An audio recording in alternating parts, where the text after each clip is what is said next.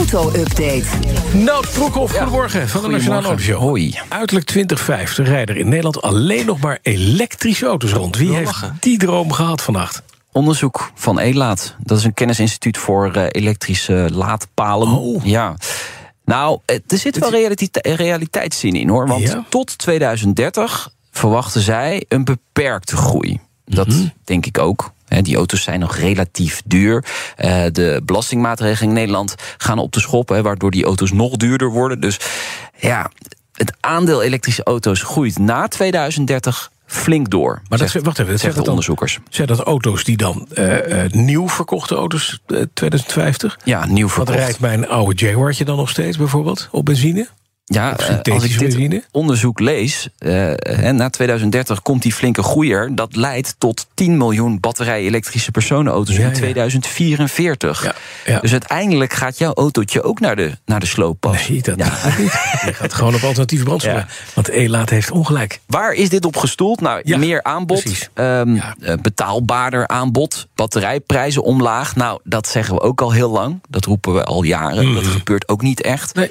Sterker nog, eh, de grondstoffen voor die batterijen werden op een gegeven moment veel duurder. Maar het belangrijkste is natuurlijk dat verbod op nieuwe auto's hè, met een verbrandingsmotor.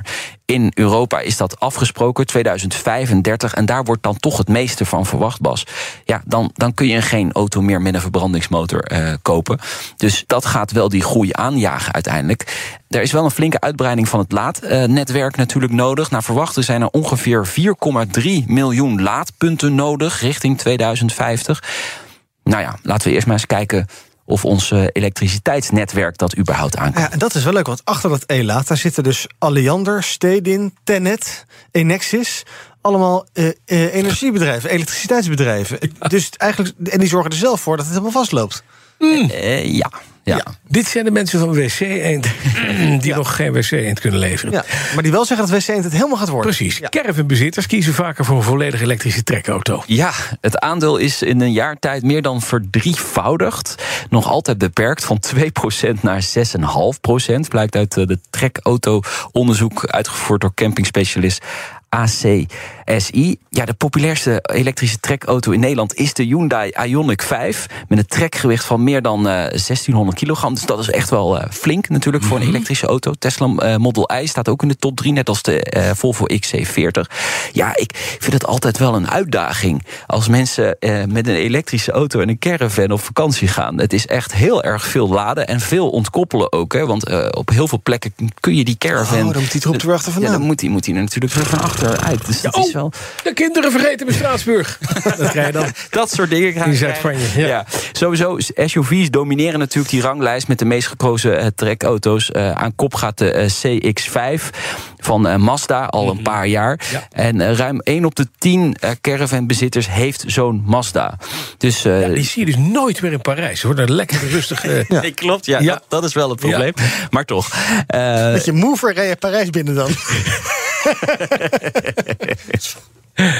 Oké, zullen we naar iets anders iets? Ja, ja, zeker, oké. ja. Het CBR krijgt het steeds drukker met verplichte rijtesten voor 75-plussers. Het sluit natuurlijk naadloos aan op het eh, nieuws wat we net hadden. De 75-plus met een caravan en een sleur. eh. Nou, eh, nee, eh, bijna 1675-plussers zijn naar het CBR gestuurd vanwege gevaarlijk rijgedrag. 10% meer dan een jaar eerder, meldt het AD. Ja, ze moeten een eh, verplichte dure test doen om hun rijbewijs te behouden. Ouderen en hun eh, advocaten die spreken van leeftijdsdiscriminatie. Ja, Bas, jij zit natuurlijk iets dichter bij die leeftijd van 75. Zo, ik ga, nog even- 15 jaar. ik ga koffie halen om over je heen te gooien. Ja, Ja, weet je dat. Nee, maar ja, je, je ziet het wel eens op de weg. Dat, ja, dat slingeren en dan denk Ik je... zie ga je mensen van jouw leeftijd slingeren en slecht autorijden. Ja, ook, En met natuurlijk. name jouw generatie Terwijl kan gewoon niet rijden. Ouderen liggen Terwijl onder de een lachgasballon luchten. Echt van die mensen die 90 rijden, in het, in het, die hebben leren spaarrijden toen ze 22 waren. NS1, hè, Oh. is in dit geval. ja. Ehm, nou, die worden dus naar het CBR gestuurd en krijgen ze een keuze. Ja, Of je rijbewijs inleveren, Ja. dan kun je nooit meer rijden. Of twee testen afleggen, dat is een theoretische toets en een rijvaardigheidstoets. Mhm. Kosten Ruim 400 euro. Zo, dat vind ik een hoop geld. Dat is veel dat geld. vind ik echt een hoop, vind ik belachelijk veel geld. En dat is verplicht voor dat je iedereen die boven test, 65. nee, maar dat je die test doet is prima. Ja. Hè, om te kijken of die, iemand die rechtvaardig is. mag je elk jaar van mij doen. Van je, vanaf je 75. Ja. Maar niet voor 400 piek. Nee, ben dat is je echt gek geworden. Nee, Ja, die- de pensioenen worden al gekort. Dan krijg je dit er ook nog bovenop. Ja, dat kan niet. Nee. Dat, dat, dat ben je bij je oude Maar Wie wegen. moet het dan betalen? Het Rijk. Oké, de overheid. Nee, maar kan wel wat Het hoeft niet, zo, Ja. het hoeft niet meteen gewoon te kosten. Nee, kom op. Ja. Klaar. Die mensen willen ook mobiel blijven. Hè? Ja, terecht. En Ja. als je ze alternatieven afpakt, zoals eh, openbaar vervoer, dan moet je iets anders gaan bieden. Nee, is ook zo. Dat is niet. Dit lijkt een beetje je nieuwe melkkoe eigenlijk, Ja, als je het zo ziet. Slecht Heel slecht. Ja, ja. Zij moeten ze het over hebben in de Kamer. Aston Martin. Ja. Aston Martin pakt deze ochtend uit. Ik ben een beetje, een beetje dat zie je, een beetje opstandig.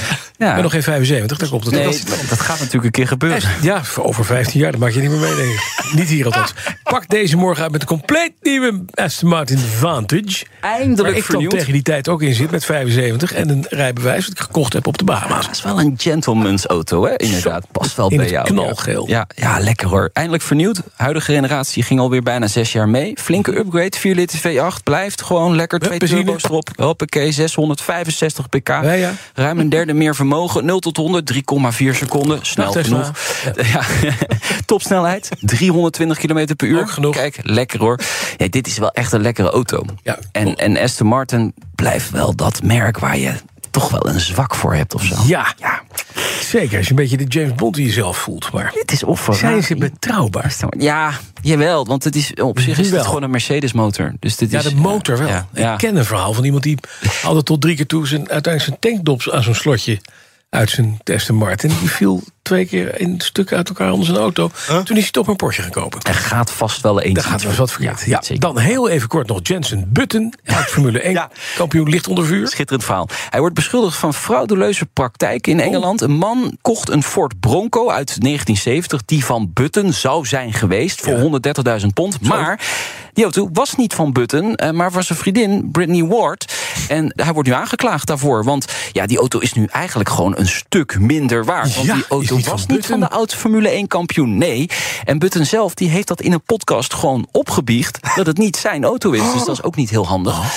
Ja, dit wordt even een, eh, een flinke clash in de, in de rechtszaal. Ehm, of het wordt in de minne geschikt. Maar eh, vooralsnog eh, dreigt er volgens Daily Mail... een doorgaans zeer betrouwbare bron... een, een rechtszaak tussen deze man en Jesse Mail. Button. Het is toch wel fijn. Hè? Maar je kan beter de Bronco van de vriendin van Button kopen... dan van hemzelf. Ja? Die, zit hij, ja, Die is helemaal afgeracht Ja. natuurlijk. Ja, oké, zo bedoel je. Ja.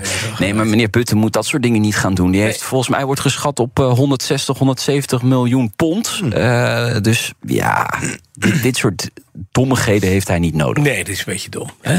Zo. Als het echt zo is natuurlijk. kon ik Maxima zeggen. een beetje dom. Dankjewel, Nout Broekhoff. Van Bij BNR ben je altijd als eerste op de hoogte van het laatste nieuws. Luister dagelijks live via internet. Jelle Maasbach. Wesley Weert. We zijn er voor je met het leukste, opvallendste, maar natuurlijk ook het belangrijkste nieuws. Tijdens de presentatie van die halfjaarcijfers toen die beurskoers in elkaar kukkelde. BNR Beurs. Voor de slimme belegger. Blijf scherp en mis niets.